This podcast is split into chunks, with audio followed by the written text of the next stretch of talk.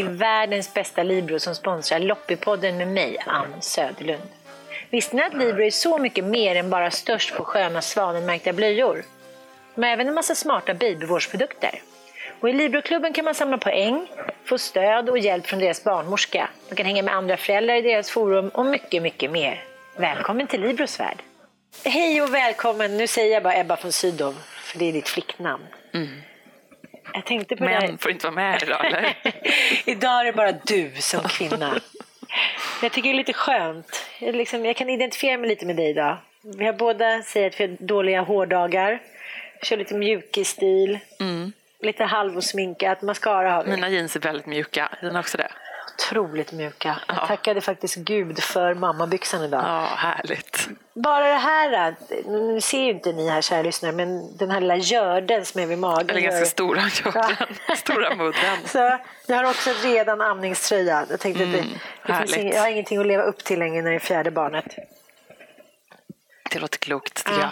Men du, kan inte du bara berätta om eh, skillnaden på att vara gravid första och andra gången? Berätta för dig som är det för fjärde gången. Nej, men jag vill bara veta om, om du kände likadant, att det var en väldigt stor skillnad. Mm. Ja, det var förstås en väldigt stor skillnad.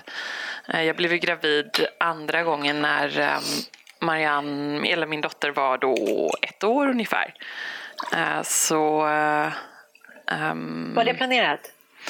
Ja, men det var nog ehm, så planerat som det blir, tror jag. Liksom. Att man hoppas att det ska bli en baby till och så blir det det.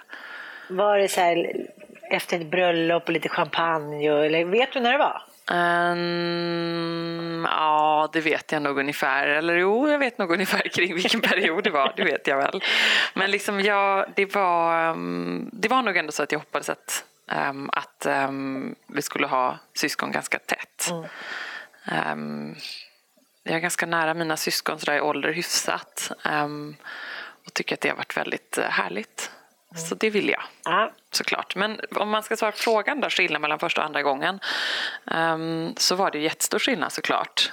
Första gången så hade jag liksom ingen, eh, ehm, inte en aning förstås. Ehm, Och tog nog åt mig väldigt mycket mer av, av alla åsikter och eh, pekpinnar och blev livrädd när någon sa att man inte fick eh, basta med gravidmage eller vad det nu kunde vara. Ehm, Vad kan hända då, då om man bastar? För det gjorde jag häromdagen. Ja, nej men det är väl redan kört liksom då. I princip. Den steks ihjäl. Ja, usch det är ju fruktansvärt att skämta om det ens en gång. Men, ehm, men, ehm, men eftersom man kan skratta åt det för att det är så fånigt Ja. ehm, så kan vi säga att det händer förstås ingenting och det är ingen fara alls. De har ett ganska tjockt lager Ja. fett där som skyddar. Ehm, samma sak som att gå på Håkan Hellström-konsert med gravidmage, det går också alldeles utmärkt. Jaha, det var också någon kritik du fick. Ja, Decibellen Ja. kommer ut med tinnitus. ja. Men, Då ska man vilja lägga ett sånt några centimeter tjockt fettlager framför öronen på de där Mm. människorna som kommenterar. Och så skulle de kunna ha det där, tycker jag. men oftast är det ju också mammor som kommenterar. Mm. Lite Det är det ju. Ja, men vad tror du det handlar om? Tror du att det handlar om någon osäkerhet? Eller är det att när man själv har fött barn då vill man minsann visa att nu är det jag som vet vad, liksom, vad skåpet ska stå? Varför, varför är- har folk så jävla mycket åsikter om gravida? Jag tror att den generation um, gravida och um, mammor till mindre barn idag, jag tycker att den liksom, hela vår generation präglas av en väldig ängslighet. Att det är liksom den ängsliga föräldragenerationen Um, på det sättet att Um, är det så att du uh, uh, kör en viss metod på natten uh, så är det så viktigt för dig att flera omkring dig också gör det för att få en bekräftelse för att det ska vara rätt. Och det är en väldig ängslighet i det. Och det är ju så tydligt att det är så med allt från liksom sömn till amning till mat, träna eller inte träna, hur hög puls du får komma upp i när du eventuellt är ute och joggar med gravidmagen och så vidare. Uh, så det är den där ängsligheten tror jag. Men jag tror att det handlar om den här ängsligheten som svenska föräldrar har just nu. Vi har hamnat lite liksom i en chock. Eh, man vet inte vad man har för jobb nästa månad, man vet inte vad man har för man, man vet inte var man ska bo. Vilket gör att alla de här valen man måste ta och besluten som man måste fattas, eh, till slut så blir det en övermäktigt. och man blir en ängslig människa. Vilket gör att vi liksom kanske förlorar lite kontrollen över vår auktoritära uppfostran. Så att säga. Och de skriver ju det i utländska tidningar nu. Att svenska barn är så här spoiled brats och ouppfostrade. Men Daily News, kinesiska tidningar och engelska tidningar. Och författaren David Ebenhardt har också skrivit att, att barnen tar över kontrollen. Hur ser det ut hemma hos er? Vem har kontrollen? Mm, jag vill tro att det är, att det är um, någon slags sund maktbalans hemma men det är såklart att det är en berg och dalbana precis som allt annat. Uh, men uh, ja, um, jag tycker det är intressant att följa den um, diskussionen med spänning. Och det låter som vi är inne på lite samma spår där med just ängsligheten. Mm. Och för mig är det, liksom, är det jätteviktigt att uh, stå emot den och så här, försöka vara trygg i mig själv och mina val. Och, eh, det är också en träning för sig själv att eh, lyssna på alla dessa råd och som offentlig person så blir det ju liksom råd i kvadrat eh, som man får och bara lugnt och sansat ta emot, inte gå i försvar utan bara säga okej, okay, jag hör dig. um, så någon nytta har jag väl av alla de där chefskurserna jag gick under mina år på Bonnier. Jag hör vad du säger och uh, härligt att det funkar för dig. Mm. För jag är ju likadan själv. Det är ju såklart eh, så att jag måste bita mig i tungan vissa gånger när man har kompisar som klagar på att barnen aldrig sover eh, och de kan inte förstå och eh, när de vaknar två på natten hon vill bara titta på Pippi och så frågar man så här, vad gör ni då? Nej men då får de göra det i två timmar. Ja, mm. Hur funkar det då? Nej men det går ju verkligen urdåligt och vi sover ingenting. Får man bara så här, ja Fasen vad jobbigt för er. Mm. För det är det jag själv vill höra mm. Eh, många gånger när jag beklagar mig för mina nära och kära. Just så här, shit vad jobbigt. Jag vill inte ha en bok i handen eller ett gott råd utan jag vill bara få bekräftat att det är svinjobbigt ibland. Det är vi också väldigt dåliga på. Men jag har faktiskt skrivit upp en fråga här just om det som, som jag tänkte på häromdagen. Att får man lägga sig i sina kompisars uppfostran? Och jag hittade faktiskt inget bra svar. Nej, jag tror inte heller att det finns något bra svar mer än att um, man måste vara inbjuden um, mm. att faktiskt göra det um, i så fall. Man måste ha en så god kontakt både med föräldrarna, mamman eller pappan eller vad det är och med barnet tycker jag för att kunna säga till. Mm jag har ju ett barn som snart är tre och då börjar det bli ändå så att man liksom ser att eh, de puttar på varandra och man vill gripa in ibland um, och säga till någon, något annat barn. Men uh, jag tycker det är väl en grej som är bra att tänka på. Eller vad tycker du? Det. Kan jag inte det vara en bra grej inte. att man ändå känner att man känner dem så att man vet vad det handlar om lite grann? Jag tycker ändå de flesta av mina vänner är väldigt bra föräldrar. Eh, men så kan jag tycka att det kan bjuda in till diskussion. Jag menar nog mer att säga till, du vet, någon liten grej. Kanske inte ingripa i uppfostran. Nej, nej, nej. nej. Um... Men alltså, jag tycker så. Jag tycker, eftersom jag är väldigt prestigelös så tycker jag att mina vänner har väldigt lätt att tycka till om mig och hur jag gör och mitt liv. Medan jag är nog väldigt försiktig där. Mer om man kanske sitter och diskuterar en grej om barnen, till exempel med de två föräldrarna. Och så, så ska man vara någon form av vågmätare och säga ja men de har olika åsikter. Men samtidigt så är det så här, ibland är ju barn liksom inte så snälla. Då måste man väl ändå få säga till, så där gör man inte. Tycker inte du det? Jo, jag tycker det. Precis, mm. så det måste man få göra. Mm. Um, jag skulle inte göra det på lekplatsen kanske till någon jag inte känner alls. Nej. Um, eftersom man inte har någon aning om vad det kommer jag kanske göra. Fråga mig igen om två år. Men än så länge så har jag inte gjort det. Men um, nej, och jag läser mycket och tycker det är kul att liksom hålla koll på nya rön och bloggar och uh, um, Blondinbellas senaste sömnmetod och uh, eh, Ann Söderlunds graviditet och sådär. Jag tycker allt sånt där är väldigt spännande att följa. så jag, mina kompisar, bland mina mammakompisar så är väl jag den som ofta eh, pladdrar på om liksom allt och mm. alla och allt från vad det står i tidningar till nya böcker och mm. eh, diverse kändisars upptåg så, kring detta. Men jag tänkte på det, jag jämförde, jag, jag och Hanna Widell har ju skrivit en gravidbok eh, som heter På smällen från A till bebis som kom ut för många år sedan men som fortfarande... Den går... har jag läst, ah, såklart. Ja, och nu har du kommit ut med också en jättefin gravidbok. De är lite lika men, men ändå Fast inte. Fast ändå väldigt olika. Ja, din är lite mer praktiskt orienterad och så här, ja, men andras röster. Vår är ju lite mer rolig kanske. Och, den är i och för sig också väldigt upplysande. Men, men jag tänkte på det du sa om, eh, om Blondinbella som blev så upprörd över att Katrin Zytomierska hade eh, pung. Du hänger också med där. Ja, men gud.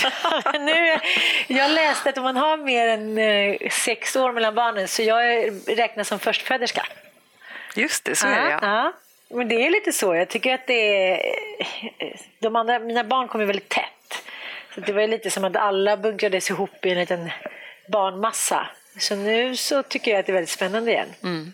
Men där är ju min son Ossian naken på baksidan och springer på en stor gräsmatta med rumpan. Vet. Och jag tycker den är så otroligt vacker den där bilden. Det är nakna barn, det är så himla mysigt. Och så tänker jag det med Blondinbella, att hon blir så upprörd över den här pungen. Och det är inte ens, alltså man ser ju verkligen att det är ett spontant taget kort. Man ser ju ens knappt att det är en pung, eller jag säga. Det är bara som en liten babianunge. Och den här upprörda känslan, vad säger du om det? Ska man visa eller ska man inte visa sina barn nakna? Jag tycker att det var lite stor skillnad på att visa en så här ihopklämd pung som man knappt ser från att kanske ett barn ligger jättenaket i, en, ja, i ett badkar. Tror inte du att man kan gå på magkänsla där? Jag tror att man måste gå på magkänsla där. Alltså det är det jag hela tiden gör.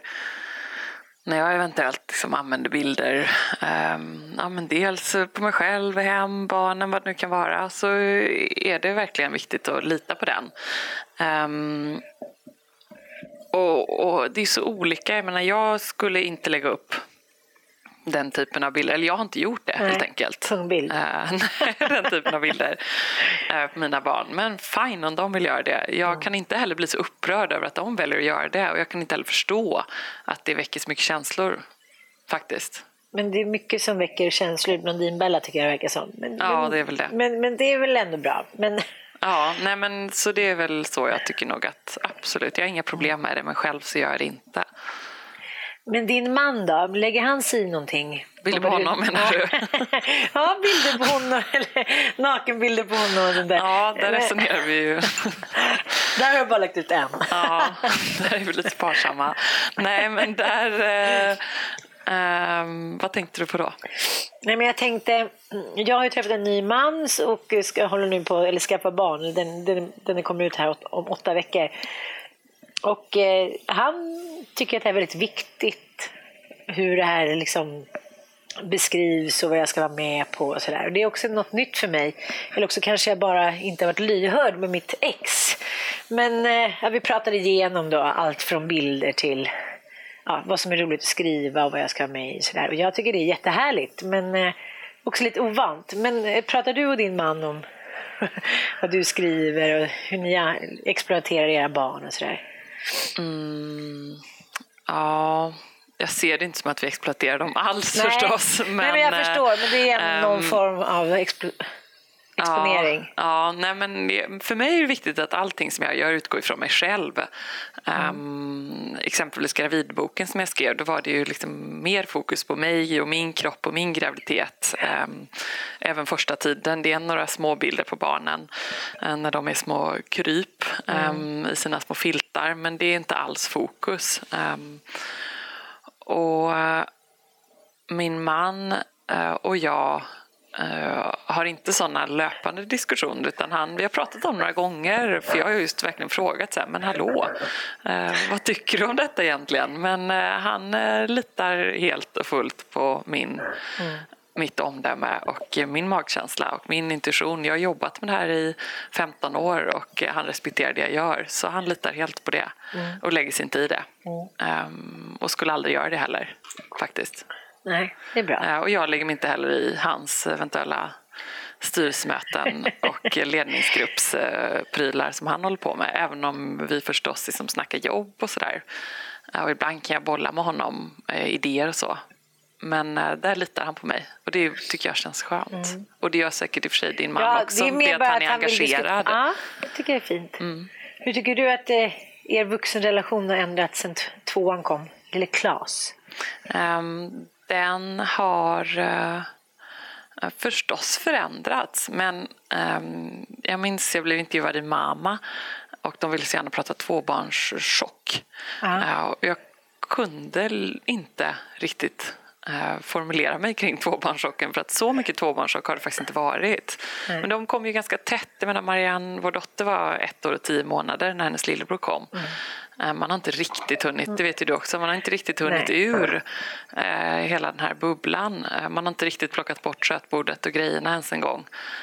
Så det har bara gått i ett egentligen de senaste tre åren.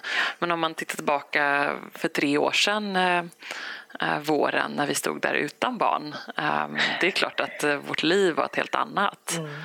Eh, men jag kan heller inte säga på rak arm rada upp tre saker som jag saknar. Nej. För jag älskar verkligen det här och jag har längtat så mycket efter barn så jag tycker att det här är fantastiskt. Men... Och innan så hade jag min systers två små barn, snart tre, hurra, som, som jag kunde skämma bort och engagera mig i och Eh, vara förhoppningsvis en viktig del av deras liv. Men, ehm, eh, Eh, och nu finns det ännu fler, så det är helt ljuvligt. Jag tycker det är så roligt. Men hur var det när du eh, bestämde så kanske man inte säger, men när du kände att du var mogen att bli mamma, var det så att det var som någon som slog dig med ett liksom, träföremål i huvudet? Eller var det så här, den här mannen verkar bra? Har du kalkylerat eller har du liksom gått på intuition och bara ping pong? Lite som jag gjorde. Bra fråga. Nej, men jag har ja. nog inte um, kalkylerat eller beräknat så utan för mig och som för jag menar det är väl som för alla att det viktigaste är väl att man har grymt kul ihop och uh, att det är bra.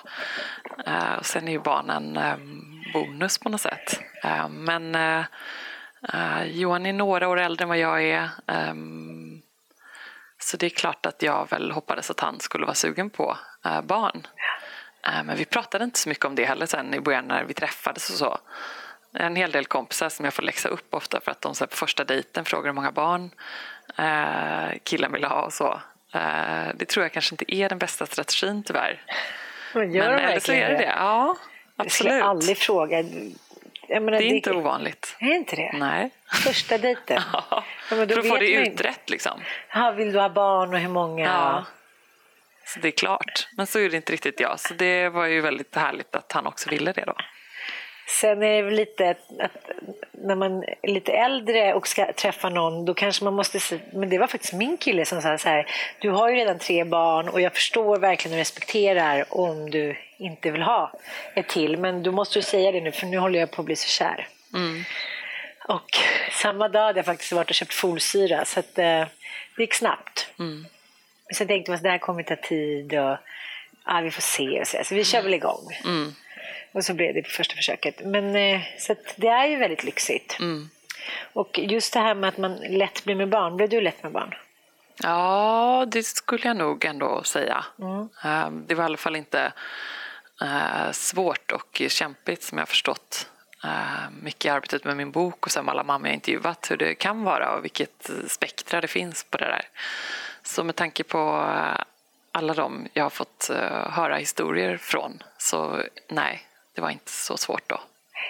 Men jag, jag tänkte på det här just när så kallade kvinnofrågor att fortfarande idag så tycker jag ändå att vi kvinnor på något sätt så här, getingbedömd som vi ska använda, Express, använda Expressens system, efter liksom hur lätt vi blir på smällen, bland annat eh, hur många barn vi vill ha. Det är fortfarande så här gammel, urmoder, liksom gammelmoderna kriterier. Och jag tänkte på det när jag läste Pernilla Andersson, Regens fru, intervju i mamma. Jag tyckte det var så befriande att hon sa det var så hemskt. hon blev liksom i 30-årsåldern och enda folk frågade henne var så här, ska ni inte bli barn snart? Ska ni inte ha barn snart? Hon bara kämpade och fick missfall på missfall och liksom blev aldrig med barn.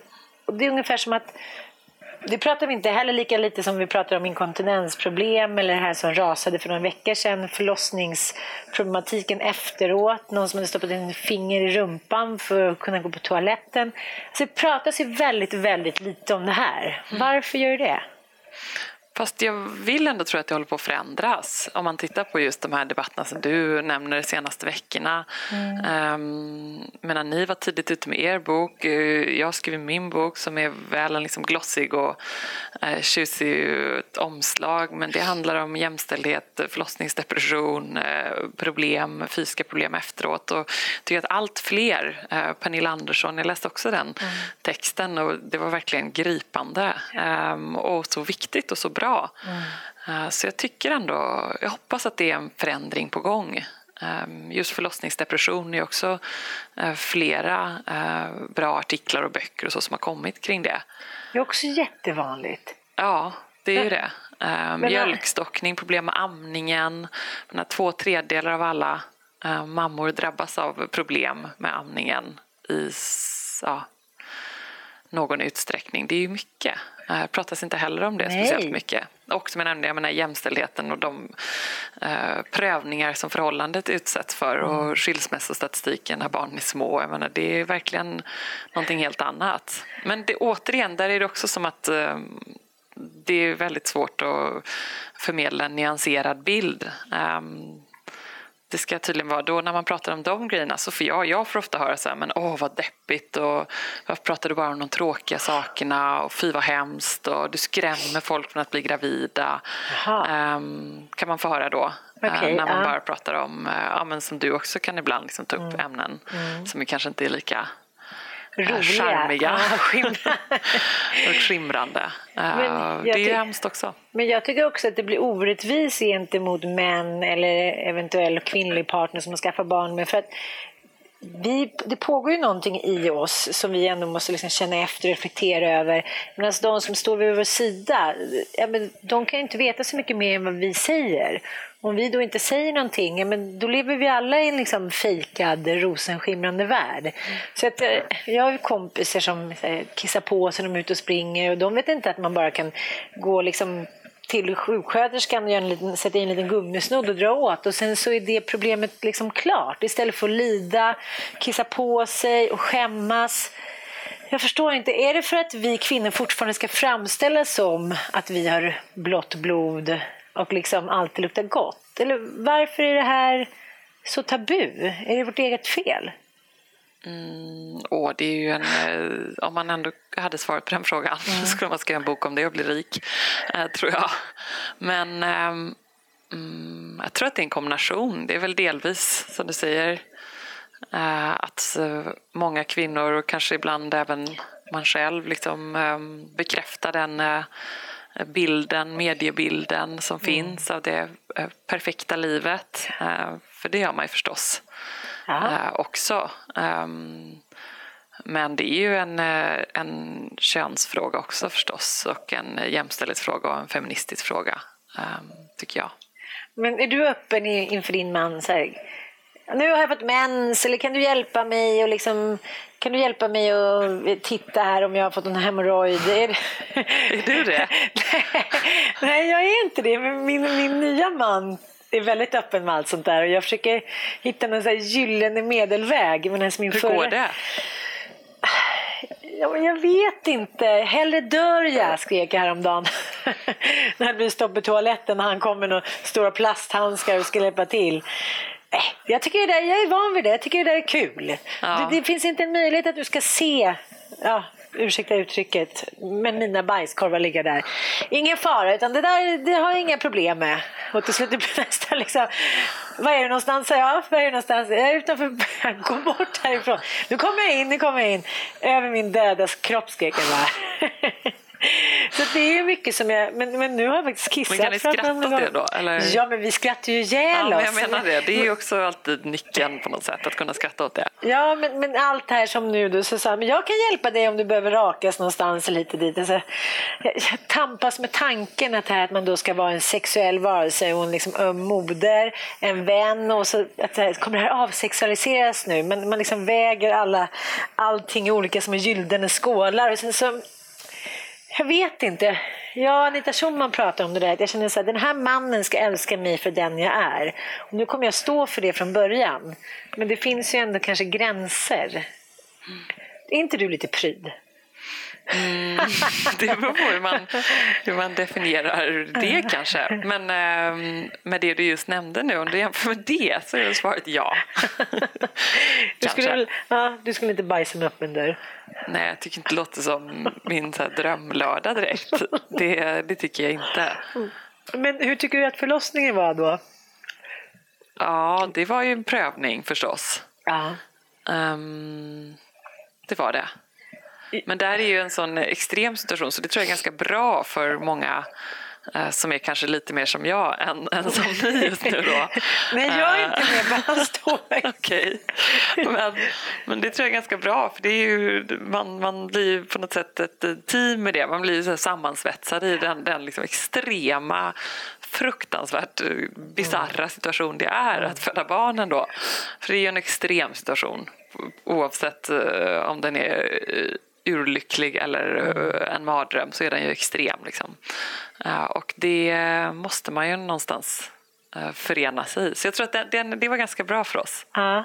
Men jag var inte förberedd första gången. Att det skulle liksom, jag skulle bajsa på mig och spy och blod. Och, det var, det var liksom, och jag tänkte mycket på det där. Min kompis Annika hade sagt att hon kommit någon liten klutt och hon fick panik för det. Hon bara liksom, låg och skrek. Ta bort bajspluppen, ta bort den. Hon tyckte att det var så otroligt skamfullt.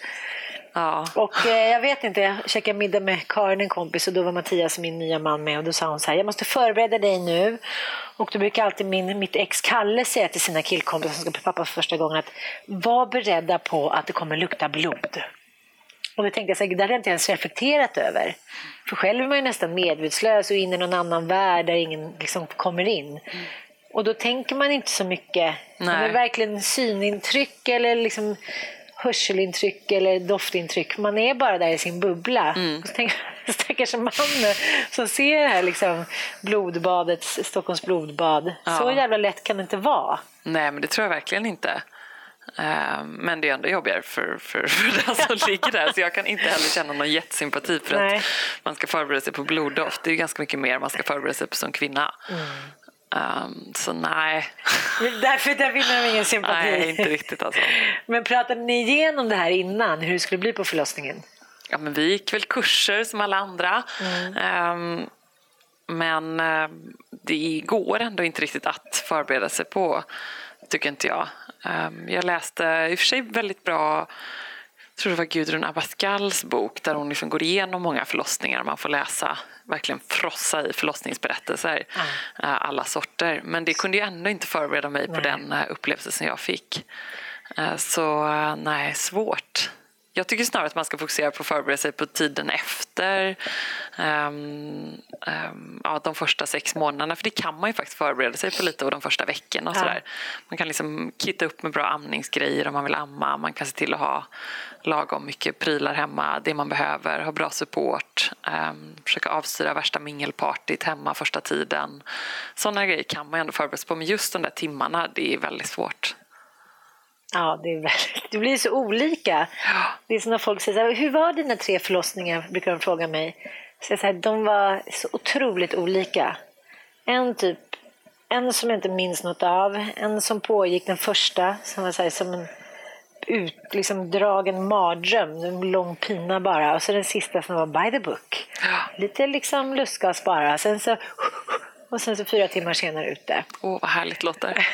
Men du sa ju, du har ju sagt någon gång att du, du trodde att det skulle vara lite som att åka på spa och, och förlösas första gången. Lite tända ljus, lite mys, du och din man. Nu kämpar vi på här med andningen. Nej, det har jag nog aldrig sagt. Men... jag läste det någonstans. Ja, det var nog fel, fel ja. citering. Men, eh, men jag hade nog ändå inte, hade, det var ingen som hade förberett mig på den uh, utdragna uh, pina som det var. Det var det inte. Men då ville du direkt skaffa ett barn till? Ja, eh, inte för att återuppleva förlossningen. utan för att ehm, eh, ge eh, min dotter ett syskon. Det var verkligen bara det som var fokus. Och jag var eh, jätterädd för andra förlossningen och gick på sånt här Aurora-samtal och eh, gjorde allt. Gick eh, flera såna här gravidyogakurser Först gick jag första kursen och så sen så var alla färdiga. Då kom jag där igen. Så här, hallå, hallå, nu är jag här igen. Samma kurs. Samma kurs igen. Du var lite som en guldfisk. Ja, eh, för att just i alla fall göra det då, förbereda mig på alla möjliga sätt. Men hjälpte det då? Ja, jag vet inte om det var det som hjälpte, det kan man inte heller svara Nej. på. Ehm, men det är klart att jag hoppas att det, det, det hjälpte lite Mm. grann. Eh, För det blev betydligt bättre. Men det är också så att statistiken talar ju för Ah, andra gången, eller hur? Mm. Det är ju, allt talar för att det blir bättre då. Ja, för, men, äh, det är bara att man kan aldrig förbereda Nej. sig. Det är liksom, man kan, eh, I taxin kan den komma, man kanske inte hinner fram, den blir uttryckt, det blir kejsarsnitt. Ja. Jag var på en tillställning häromdagen och kom en av Sveriges mest kända deckarförfattarinnor fram till mig och sa Åh grattis, jag hörde och sådär, men nu tar du väl kejsarsnitt, nu räcker det väl. Och liksom, det, var så här, det var nästan som en kommando, ett kommando. Ja. Att, liksom att det, fanns, hon, det fanns inte hennes sinnesvärld att jag skulle liksom föda vaginalt för en fjärde gången. Och För att? om- Nej, hon började berätta om någon skräckhistoria. Hon själv hade spruckit upp till rumpan. Och, det som kvinnor älskar, de här skräckhistorierna. Ja. Till, de tycker så här, det är min syster, liksom, det, det är min... Ja, vi är kvinnor, vi, vi ska klara av att höra allt. Ja. Och så började jag tänka så här, men gud, det kanske vore skönt. Bara åka in där och öppna upp. Och, gud, du måste vara rädd Fast om grejen är att det är inte heller så skönt. Nej, jag vet. Men, men då, då blir det Alla lite gånger. så här... Nej, jag förstår. Det är olika. Det är samma sak där att det blir. Men jag, jag kände ändå lite så här för medalj för en lång kamp Ja. och strid. Ja. Så, så kunde jag göra det. Eh, hur resonerar du om du skulle skaffa ett tredje barn? Skulle du tänka... Eh, nej, men jag har ju också ehm, min syster som jag är nära som har fått eh, förlösas med akut kejsarsnitt alldeles för tidigt och jag har ju sett hur det var. Ehm, och även andra gången så snittades hon och kommer göra det tredje gången. Och det är ändå det är en stor operation. Eh, det är inte bara öppna upp och, och, och ploppa ut. Jag menar, du, du har svårt att lyfta och bära de första veckorna. Eh, det, det är förstås en, en fantastisk och eh, fullt nödvändig lösning för många och en eh, underbar utväg för annars så finns det många som inte hade klarat det. Liksom.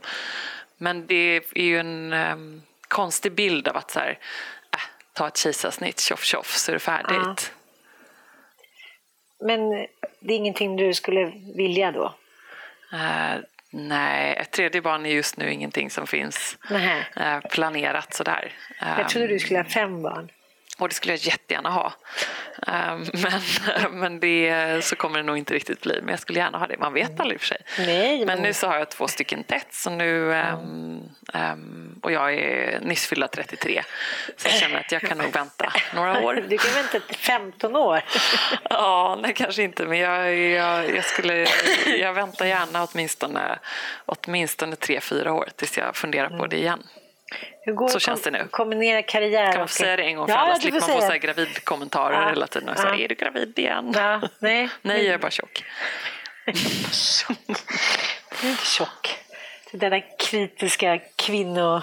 Men, men, eh, jag tittade lite på bilder och läste om dig lite så här inför det här. Och tyckte det var så väldigt roligt hur man, hur man förändras som kvinna utöver både kroppsligen då kanske att man liksom får mer höfter och blir lite mer kvinnlig mot innan när man kunde se ut som en tarm tillfälligtvis. Men även tyckte jag att det var väldigt, väldigt roligt att du hade eh, blivit portad där 2007. Eh, för nu har jag, liksom, nu är du ändå lite, inte präktiga Ebba, men så framgångsrika, lite präktiga. Liksom, Men nu sa du ju präktiga. Gud, tack för den. Nej, men, ja men okej, lite präktiga då, men det är du väl? Ja, nej, men det är helt okej. Om du tycker det så kan jag vara från det. Göteborg. Alla är lite präktiga från Göteborg. Nej, men jag har lite kompisar från Göteborg. Det är inte det att ni är präktiga, ni är bara så här...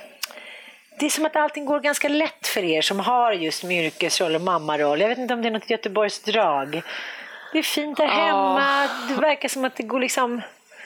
Ja, det, det är inte så många gånger som ni liksom Fast det fastnar i gör backen. det ju inte och- såklart. Jag menar, det är inte så Nej. himla lätt för mig. Det tycker jag Nej. verkligen är något som man blir... eh, Anklagad för.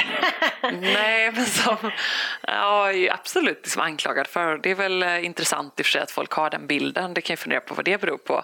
Men jag menar, det är verkligen något man lär sig som eh, förälder och som mamma. Inte minst genom alla mammagrupper och alla kompisar man möter. Herregud vad man först tror att alla har det så himla bra och de som man ser i parken har det så mysigt. Och, eh, de har sex barn och gud vad härligt det ser ut. Och de har tre barn som är the perfect gap, tre år emellan och båda är framgångsrika. Men jag menar, alla tjafsar, alla har det jobbigt ibland, alla sliter med samma frågor. Eh, spelar ingen roll om du bor i en tvåa eller en femma eller vad du gör Mm. eh, eller hur du väljer att pussla ihop med jobb och föräldraledighet. Men alla bråkar. Ja. Så tror jag i alla fall. Eh, mer eller mindre. Vad brukar ni bråka om då? Eh, vi, vi, ja, vad bråkar vi om? Eh, vad bråkar vi inte om? Det kan jag säga. Vi tjafsar väl om de vanliga grejerna. Eh, liksom få ihop det med hämtningar och lämningar och jobb och eh, allt. Vardagen, den där eh, magiska egentiden då. Eh, som i och för sig kan tycka är lite överskattad. Jag, Jag jag, bryr mig inte så mycket om mig egentid. inte det där ordet. Så, så, ehm, men om man lägger in i det ordet att eh, typ träffa sina kompisar någon gång utan barn, eh, Mm, sina ja, tjejkompisar det gå vill ut och äta middag eller någonting, det vill man göra någon gång. Mm. Eh, Få ihop det, det är ju rätt eh, tufft. Har, har, har du känt någon gång att du har varit riktigt orättvis mot din man skrikit så här? Så som jag märker nu när jag börjar närma mig förlossningen att min toleransnivå är väldigt låg. Jag kan säga sådana du vet, konstiga grejer som är helt liksom, irrelevanta. Ska du säga som inte ens har eller "Åh, här, li- där ligger du och tar emot bara. Nej, Men det är mycket sådär. Men kan du se då att det är på grund av att du har gravidhormoner i kroppen? Ja, men jag är så otålig nu. Det är så här, men förstår du inte? Är du, inte, liksom, är du ointelligent? Alltså, så fort han inte förstår direkt vad jag menar då blir jag väldigt irriterad. Och han är inte snabb till att komma ut ur Mm. Och bilen. hur hanterar han det då? Men han skrattar mest. Ja, men då Ja. är det ju rätt fine, Ja, eller hur? Ja. För så länge de skrattar lite, Men han är, lite lite, han är faktiskt lite kvinnlig där också. Han är också lite gravid där. Nej, men, men jag tror att det är samma sak där. Att jag trodde länge att alla mina kompisar hade det så himla perfekt. Jag trodde det och att det var vi som liksom tampades som hit och dit. Men samtidigt så Det kan jag tror se... jag inte man ska tro. Nej, jag jag tycker det är viktigt det. att tänka på det. Men man är också rätt fokuserad på sig själv när man är inne i småbarnsåren. Och, och jag, jag har tänkt på det, varför inte jag tyckte det var så himla jobbigt att få tre barn på tre och ett halvt år. Först för att man förtränger, men sen också tycker jag att det finns så mycket kärlek och liv i de där barnen. Att det på, liksom, på något sätt kompenserar. Men tycker du att det gått bra att få ihop karriären och eh, barnen? Ja, alltså ja, det, det har väl ändå gått bra. Men tänk på att jag hade ju inte... um, ja, jag hade ju inte ändå trott att jag skulle hinna med så mycket under förra året och ändå eh, Claes föddes i februari eh, och jag körde prinsessa Madeleines bröllop i eh, maj, juni, eh, Nobelfesten, släppte en bok. Eh, Så det var ju intensivt såklart. Ja. Och då hade jag ändå planerat att verkligen vara ledig Mm. eller vara hemma med Claes. Ehm, Men, och jag Han kommer gjorde bli traumatiserad av det här bara. Ja, jag tror inte att det kommer bli det. För att jag, jag gjorde ingenting som jag inte kände att, där jag inte kände att jag hann med eh, barnen. Eh, Då drog jag liksom i nödbromsen direkt. Jag skulle hoppat på en säsong av mitt program, eh, lördagsprogrammet igår kväll lördag och eh, fick skjuta fram det för då kände jag bara att nej, men det här kommer för snabbt på. Eh, Så jag var ändå duktig på att säga stopp och nej. Men är det när man jobbar i den här branschen att man är... Att det är den där rädslan att man ska försvinna? Jag tycker det är så kul med sitt jobb att det finns alltid 500 andra som står gläfsande Fast det är just det, jag har nog snarare accepterat det. Det finns 500 andra, eller det finns typ 5000 Ja, andra. 50 000. Eh, 50 000 andra som kan, göra, som kan göra det jag gör och säkert eh, eh, kan göra det gratis och tycker att det är toppen. Eh, Jag menar, det är ju bara att gilla läget, då får det väl vara så. Eh, Jag tycker att det absolut roligaste är att vara med barnen och i kombination med att göra något som jag tycker är grymt kul som har med liksom skrivande, det kreativa arbete jag gör, att göra. Och det gör jag just nu. Och jag hinner ändå betalt, hämta tidigt. Jag får betalt, okej, eh, så att det funkar för mig. Eh, har lite löpande kontrakt. Eh, får jobba med de idéer som jag gillar i form av bokprojekt och sådär. Så ja, så här, med reservation för att det är klart att det är superjobbigt ibland och eh, jag har inte sovit en hel natt på tre år. Så eh, är jag ändå väldigt lycklig. Men gud vad härligt, du ser väldigt fin ut måste jag säga. Fast jag inte har sovit. Ja, men jag måste bara, eh, det är några grejer som vi måste prata om också. Som, eh, jag måste fråga dig varför du blir portad från White Room, Sture. Jag måste bara säga, det är så Ja. tråkigt att säga att man är, eller det känns så fånigt att säga att man är lycklig och nöjd och glad, att man har svinmycket på, eh, i sin kalender, men att det ändå är härligt. Men någonstans så är det lite lite så ändå. Eller det känns så just nu för att man har lämnat en glad dotter på mm. förskolan i lugn och ro och lekt i snön på vägen dit och plaskat och blaskat och hon tyckte det var toppen. Och eh, min son somnade i vagnen. Men han går också och, på dagis nu? Eh, nej, det gör han inte. Gör inte. Så han är ute och rullar med barnflickan nu. Jaha! För han är bara ett. Ja, när ska han börja då? Eh, han börjar nog i eh, höst någon gång tror jag. Men han är min lilla bebis fortfarande. Ja, ja. min så, sjuåring fortfarande. Ja. jag sa nu kommer en ny bebis här men det är alltid den sista som är ja, bebis. Det är väl ändå det. Det är nog ändå det. Men vi jobbar ju båda på SVT just nu och eh, jag hade skrivit ett inlägg om min henbebis som kom. Och då sa du bra skrivet och sådär. Det här var några månader sedan. Och det här är någonting som du och jag båda har tänkt mycket på. Att det, att det det finns någon, någon ny vurm för det här att man ska få en dotter. Och senast nu när jag faktiskt var utomlands kom det fram en, en gammal tant så här. Ah, what wake? Hon var från USA. Ah, vad jag nu var i då, 29 eller någonting. Bye girl. Ah, boy. Ah, bye. Då var det liksom inget, inget intressant längre. Och många är så här fjärde sonen. Antingen blir de sen förskräckta ut eller så börjar de skratta. Så vet de inte vad de ska säga. Nej, alltså bara, aha, gud hur mår du? Jag är ledsen och liksom. Och också flera väninnor som är så här, verkligen blivit förfärade. Men gud, en son till, men gud hur ska det här Lägger gå? huvudet på sned. Ja, och så här, jag själv grät typ tre veckor och gick inte utanför dörren. Och det har vi många, inga namn nämnda, men kända kvinnor som ändå har liksom blivit helt knäckta. Och så här, jag kommer inte fram till något svar riktigt. Varför är det helt... Vad ska vi göra av dessa o, det är lite, lite så här oönskade pojkbebisar? Mm. Jag förstår inte varför. Jag försöker hitta i om det är liksom fler pojkar som får diagnoser, fler pojkar, om det är kläderna i den här ytliga världen. Alltså man vill ju verkligen inte tro att det bara ska sitta i kläderna. Men Nej, jag men det måste ju det. vara en kombination av allt det här. Nej, för som för... mamma till en av varje så ser ja. jag också den skillnaden. Mm. Um, nu var det ju så att jag fick en dotter först, men hjälp vilken skillnad då på reaktionerna på alla du vet, rosa rosenbuketter som dröste in när man fick en flicka och vad roligt alla tyckte det var att gå loss på små presenter och grejer och hårrosetter. Och så min älskade lille pojke som är den liksom finaste lilla marsipanboll man kan tänka sig och så ljuvlig på alla sätt äh, får en gammal bil som han inte kommer kunna leka med på, så här, på fem år. Liksom. Men Gud, det är helt äh, av kompisar och gärna så en orange bil.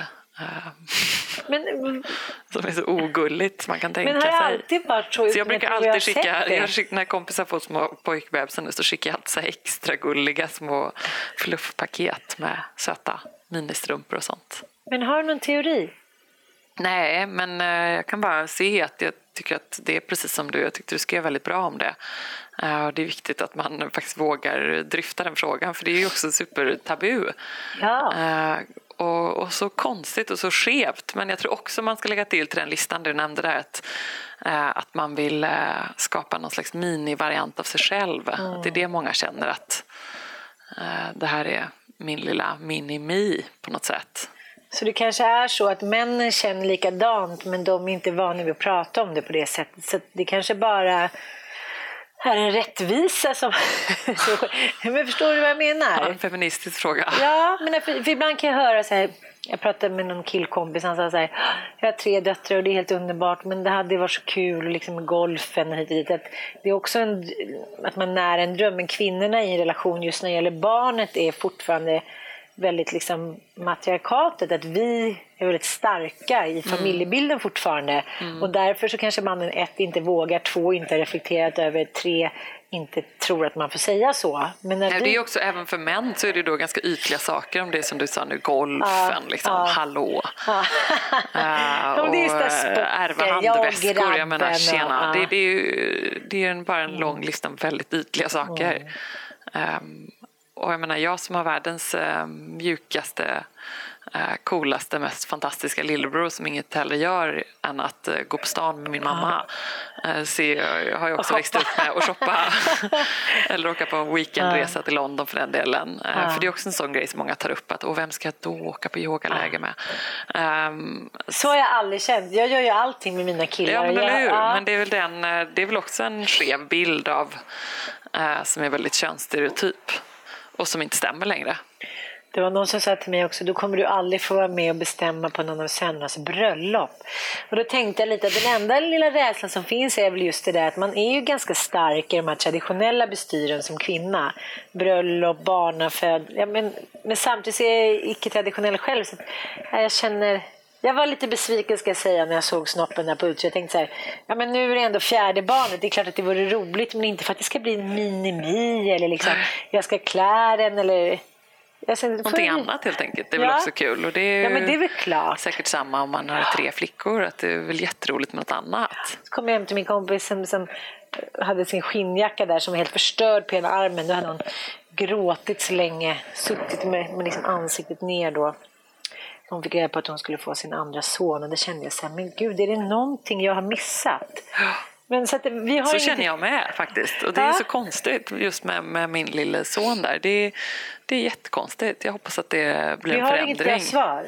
Nej, Nej, jag har inte det. Men det är verkligen så. Uh, och det är även samma man ska, liksom, om man ska ha två flickor, man ska ha systrar mm. och systerskapet. Och, uh, jag tycker det är jättekonstigt. Um, men jag tror för mig det, för sig, att det, det, det, roliga är ju att det är någonting annat förstås. Ja. Um, min syster som har två flickor uh, och nu väntar sin tredje i slutet på uh, april.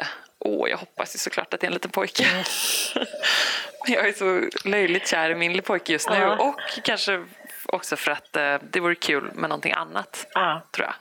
Så kan Klas och han leka. Ja, nu kommer han ju nog kunna leka ja. ändå tror jag. det går Vad inte. det än blir. Nej, det går inte. Um, så. Men det är intressant och det är ju lika känsligt varje gång man skriver om det. Ja. Men du, jag måste bara, det är ett annat ord som jag älskar som du har myntat, som gravidfixmani. Du hade det med både ettan och tvåan och nu känner jag själv att i helgen började jag också komma in i gravidfixmani. Åh, passa på, dra ha? nytta av det tycker jag. Ja, men Rensa jag garderoben, ös ja. på. Men det, Porslinsskåpet, ja, gå men Jag loss. var också mycket kreativ kände jag. Mm. Jag ville ställa upp olika stilleben, ha vackra kläder, gå på konstutställning. Alltså, att det blev någonting, något kreativt öppnade sig mig. Att jag började tänka på inredning, mm. hur jag skulle ha det. Det är ändå ganska mysigt. Mm, det är jättemysigt ja. och som sagt jag tycker verkligen man ska ta vara på det. Det är urhärligt. Mm. Eh, jag njöt av det båda gångerna. Mm. Jag peppade just min syrra nu. Hon var ju också precis som du på väg in i det där. Liksom. Ja. Det är ofta sista veckorna ja. som det kommer som starkast.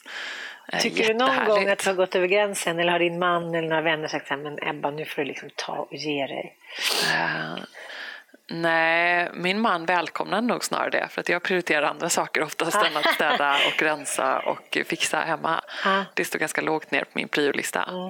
Jag gör inte så mycket vackra stilleben och sånt till vardags eh, utan eh, för mig så jag hänger mycket hellre med barnen i ett stökigt rum än att hålla på och städa undan och fixa och greja. Ehm, Eh, det här är väl något Bra som vi faktiskt kan tjafsa om ibland för att eh, han vill gärna ha ordning och han kan gärna på lördag förmiddag sätta sig och så här, dra ut lite lådor och rensa undan kläder i fel storlek och känna så här, men kan vi inte bara släppa det? Skit i det, det är oviktigt. Mm. Jag har jobbat hela veckan. Viktigt är att göra något roligt med barnen. Mm.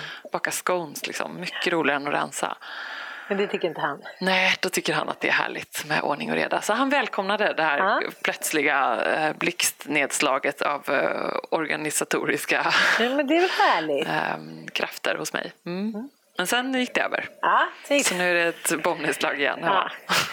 Jag vet inte. Jag tycker så här, det får gärna vara stökigt men, men det är just toaletten. Där känner jag mig lite orolig för framtiden. Det ska vara fem stycken eh, snoppar som det spelar ingen roll hur många gånger jag säger så här, du, varför tar du inte upp eh, toalettsitsen? Ja, just det, mamma. Förlåt, förlåt, förlåt. Tvättar du händerna? Nej, det har de aldrig gjort. Och så kommer man in sig liksom en liten kisshög där. Men å andra sidan i perspektiv till det stora hela livet så är det inte så himla hemskt. Nej, Nej. det är ju det. jag Men jag försöker tänka så när jag kommer hem till eh, eller ser, kommer hem till folk eller ser inredningsreportage. Jag älskar, det är en av de få saker jag unnar mig, det är ah. inredningstidningar och hemma hos-reportage. Jag knarkar det, jag älskar ah. det. Men någon gång kommer jag doktorera inom något så kommer det vara på Sköna Hem-reportage. Alltså jag tycker det är det bästa jag vet. Mm. Eh, men då försöker jag just tänka på när man kommer hem till sådana människor och sådär att uh, tänk vad mycket grejer som jag gör som inte de förmodligen hinner med då. Ja, ja det men det är väl jättebra att skriva en, en bok. Ja, man får trösta sig med det. Eh, jag skrev ju precis när jag åkte hit på mitt, på mitt Insta, är det någonting ni vill fråga Ebba om? För jag ska träffa henne nu för en podd. Och då var det några som tog upp det här som jag själv har lite problem med, som jag faktiskt pratade med Belinda Olsson om för, för några veckor sedan. Att man eh, vi som då skriver böcker och kanske inte liksom är utbildade inom det vi skriver utan vi tycker till och är så känslomässiga och tycker till-experter. Någon form av professuren som inte finns. Eh, du borde komma på något tycker jag. vi skriver ju ofta en sak som vi kanske inte riktigt lever som vi lär efter. Och det är väl lite som jag också har propagerat för och som jag skäms jättemycket för. Det här med att man måste här, dela föräldraledighet och jämlikhet. Och jag har inte gjort det med något av mina barn. Och nu tänker jag vara stenhård på det. Nu är det liksom half Eddie. Och då var det två, tre stycken som skrev det att du skriver i din bok att man ska vara jämlik och det, men du har inte själv gjort det.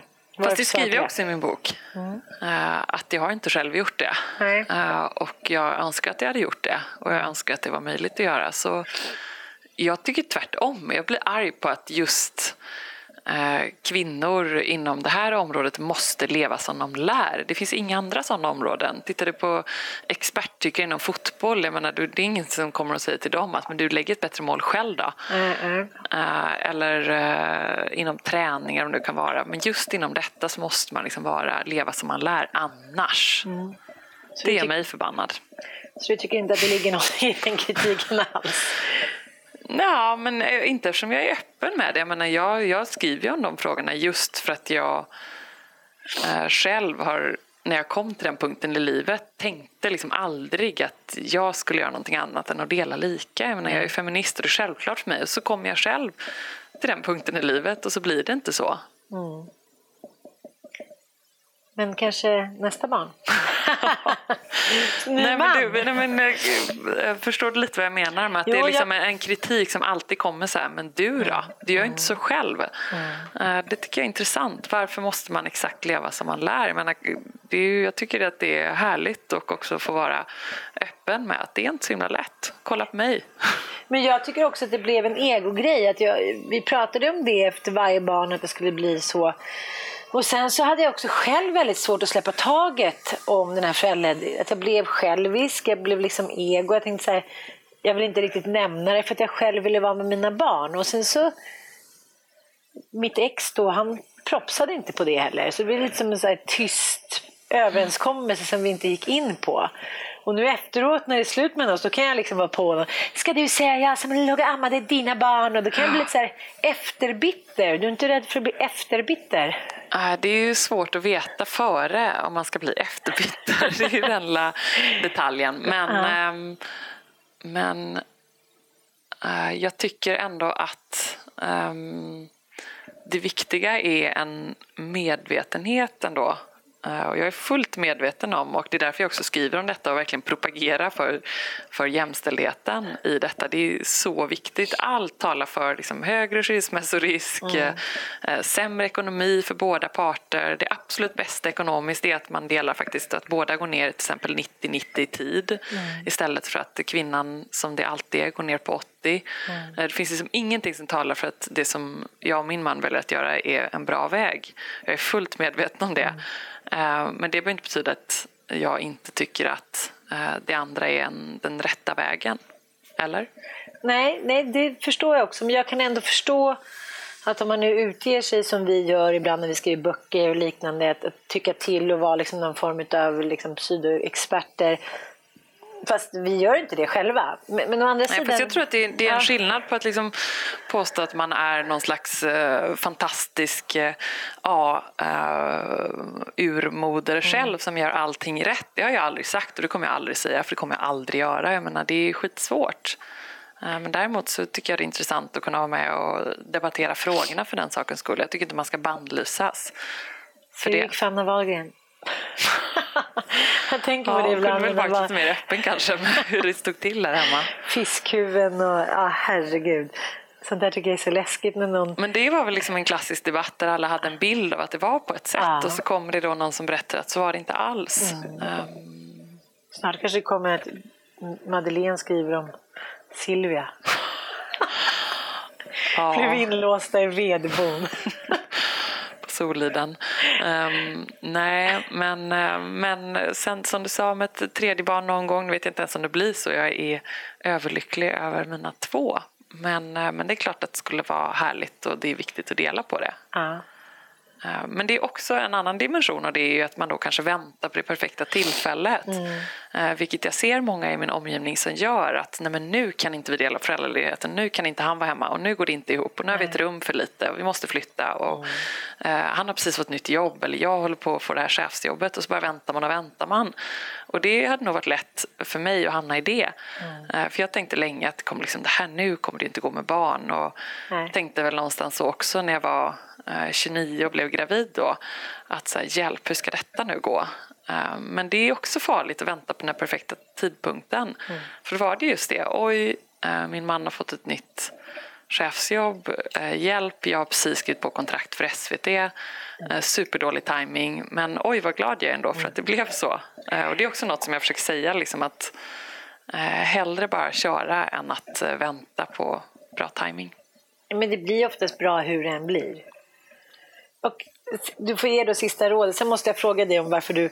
Du, du ju, har ju många år varit, varit väldigt mycket av en debattör och tyckt till och inte varit rädd för att skräda orden eller liksom stå upp för orättvisor eller kritisera även väldigt namn, namntunga namn. Vad säger namntunga? Nu kommer graviditeten. Ja, det är helt okej. Ja, men, ja, men människor med så kallad makt och liksom någon form av ska man säga, auktoritär position i samhället. Och det tycker jag är underbart och det tycker jag att vi alla, både kvinnor och män, skulle våga göra lite mer. Men den här gången du blev portad då från Stureplansgruppen, Spybar som ni säkert hört talas om, alla som inte var där kanske, Sturecompagniet och White Room. Fast, och, det var typ, och tio krogar till, jag ja. tror de äger typ hela Stureplan.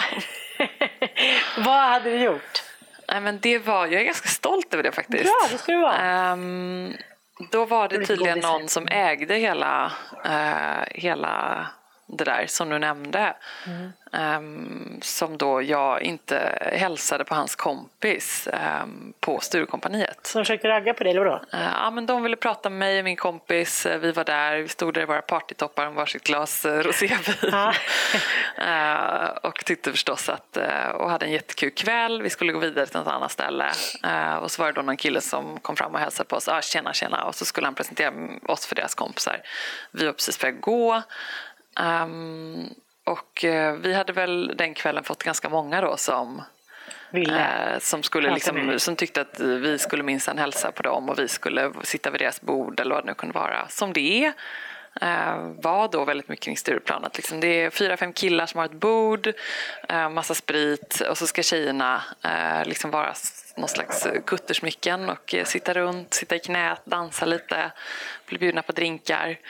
Uh, under mina år då så såg jag aldrig några tjejer som satt så med killar som då kom uh, och skulle liksom hänga med. Um, och uh, det är ju någonting som jag förstås vände mig emot. Mm. så vi sa väl tjena tjena till dem, hälsade typ knappt och gick vidare till ett annat ställe. och jag hade ingen aning om att de här killarna var då ägaren av hela Stureplans tjofräset. Och, Men hade du brytt dig om det? Nej, jag hade ju inte det. Uh, och det hade jag än idag inte gjort. Det är det jag är lite stolt över någonstans. Ja. Att uh, det är inte så viktigt för mig. Uh, för jag var ju liksom inte beroende av någon slags Stureplans VIP-listor. Och var inte heller med i något sånt gäng med olika Alex Schulman eller prinsessa Madeleine-kompisen och sånt där. Utan jag var ju där med min kompis från Göteborg. Ja. Um, och vi körde vårt race. Och då blev du portad? Ja, så läste jag Expressen nästa morgon då.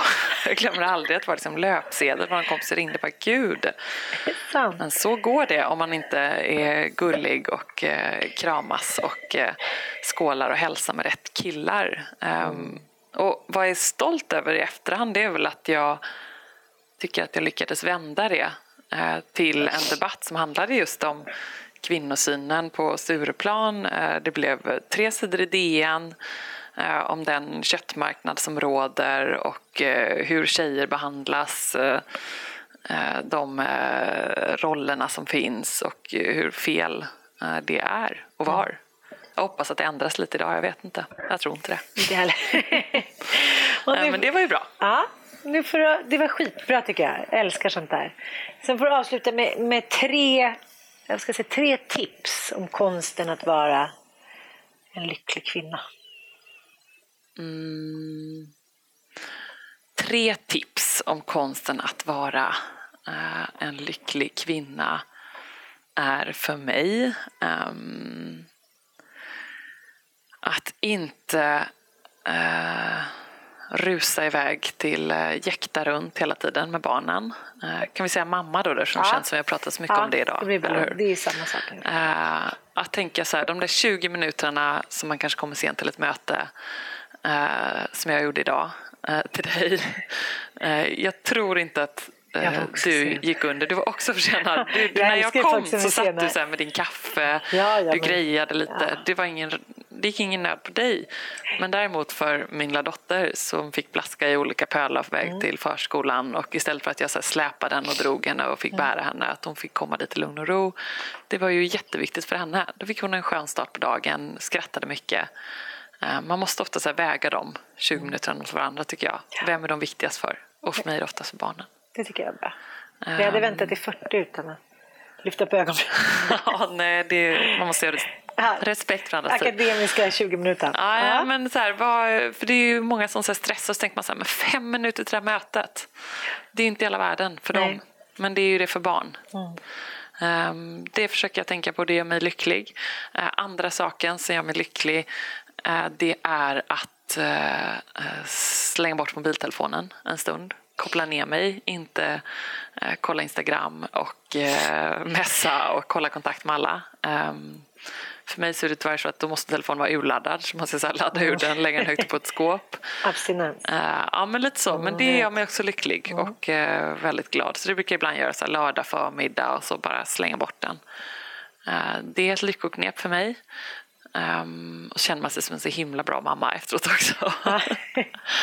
uh, och tredje uh, mamma-lycko-grejen uh, är nog ändå att som jag gjorde förra helgen när jag ordnade möhippa för min bästa kompis så var vi ute till halv fyra på morgonen och dansade och hade så grymt roligt. Och jag gick på lätta så här fötter en hel vecka efter det för det var så himla kul. inte dagen efter kanske? Nej, och inte, det var, tog ut på tisdagen kanske tills jag...